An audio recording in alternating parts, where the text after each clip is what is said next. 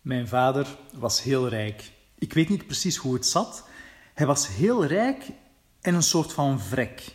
Maar wel een goed soort vrek. Een vrek dat is zo iemand die, ehm, die, die, uh, die niets wil delen, die alles voor zichzelf wil houden.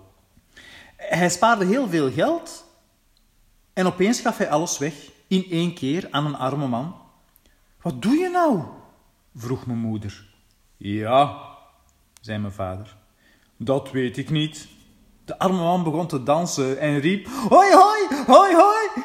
en holde weg. En toen waren wij arm. We hadden geen echte kleren meer, maar vodden. We hadden geen verwarming meer en zaten de hele dag te rillen. We hadden niets meer te eten en schraapten met lepels over de bodem van pannen waar lang geleden eten in had gezeten. Mijn moeder huilde. Maar we zijn wel gelukkig nu, zei mijn vader. Ja, dat is, dat is waar, zei mijn moeder en droogde haar tranen. We gingen bedelen. We gingen in vuilnishopen naar etensresten zoeken.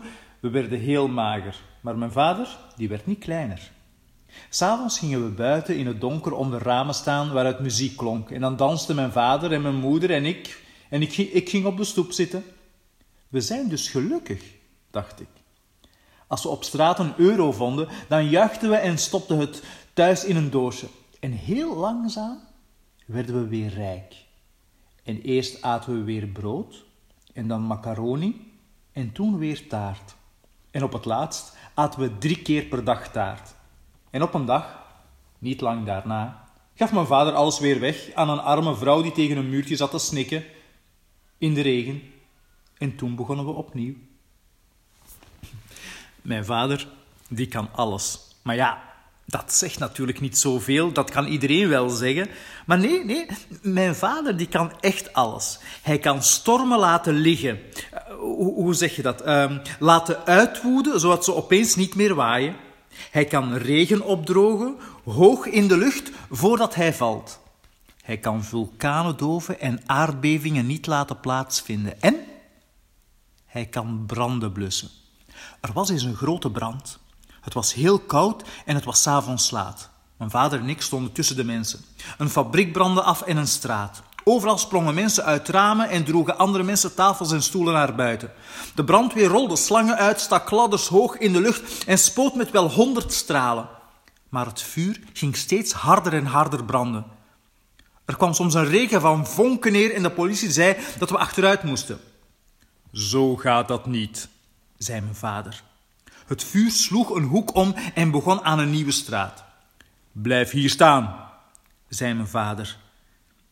Hij stapte naar voren, liep tussen twee politieagenten door en ging recht op de brand af. Mijn vader, riep ik nog. En hij keek even om, hij zwaaide. Blijf daar staan, riep hij. Ja, riep ik. En toen begon hij het vuur uit te trappen. Ja, mijn vader heeft enorme voeten. De brandweer keek heel verbaasd en hield op met spuiten. Iedereen stapte achteruit. Het was net alsof het vuur bang was voor mijn vader, alsof hij riep: Vuur, ga uit, vuur, ga uit.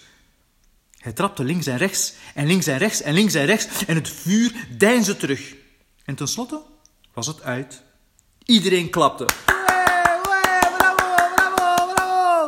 Mijn vader kwam terug bij mij. Zijn voeten waren helemaal verschroeid en zijn broekspijpen ook. De brandweer kwam om hem heen staan. Hé, hé, hé, hé, komt u ook bij ons? vroegen zij. Nee hoor, zei mijn vader. Maar als jullie weer eens iets niet kunnen blussen, dan roep je me maar. Hé, hé, hé, dat, dat is goed, zei de brandweer. En toen liepen we naar huis. Mijn vader kan ook overstromingen tegenhouden en oorlogen. Daar draait hij zijn hand niet voor om. Hou op! Hou op! Hou nu meteen op! roept hij. En dan is het vrede. Het nadeel van mijn vader is dat hij elke dag ouder wordt. Ja, dat zegt hij zelf. Dat is een groot nadeel, Said.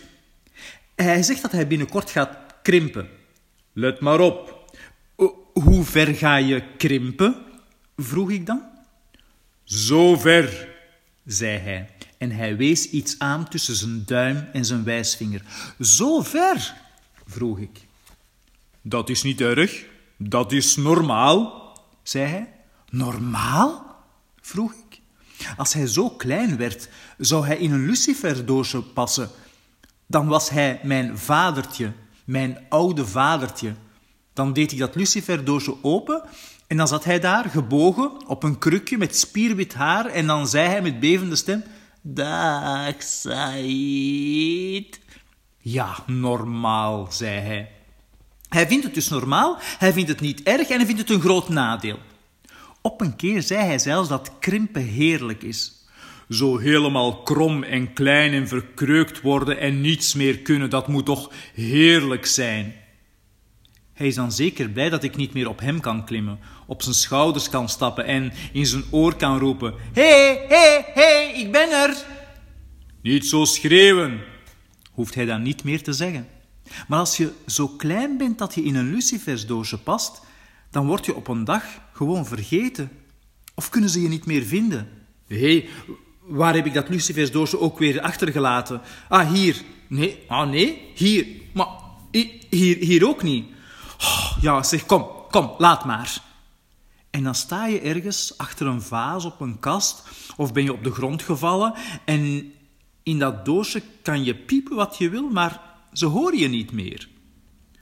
En normaal noemt mijn vader dat. Niet erg noemt hij dat. Een groot nadeel. Ja, dat is het zeker, een heel groot nadeel. Het best zou zijn als je steeds groter werd. Hoe ouder, hoe groter. Krimpen vind ik verschrikkelijk. En dat ga ik hem eens vertellen. Op een keer. Mijn vader. Die, mijn vader kan koorddansen. Hij is over de diepste ravijnen heen gelopen en tussen de hoogste wolkenkrabbers. Zo'n wolkenkrabber, dat is zo'n heel hoog gebouw, dat reikt tot aan de wolken en dan kunnen de dakpannen aan de wolken krabben en dan uh, valt er regen. Nee, dat is niet waar, maar dat zijn gewoon heel hoge gebouwen. En hij nam me mee naar een plein. Er was een touw gespannen over dat plein heen. Het zag zwart van de mensen. Ik stond beneden. beneden. Tot straks, zei hij. Hij ging een gebouw in en even later verscheen hij voor een raam, stapte op de touwen, begon langzaam te lopen. Oh, oh, zeiden de mensen. Wie is dat? vroegen ze. Mijn vader, zei ik. Ah, vader? vroegen ze verbaasd. Ja, riep mijn vader van boven.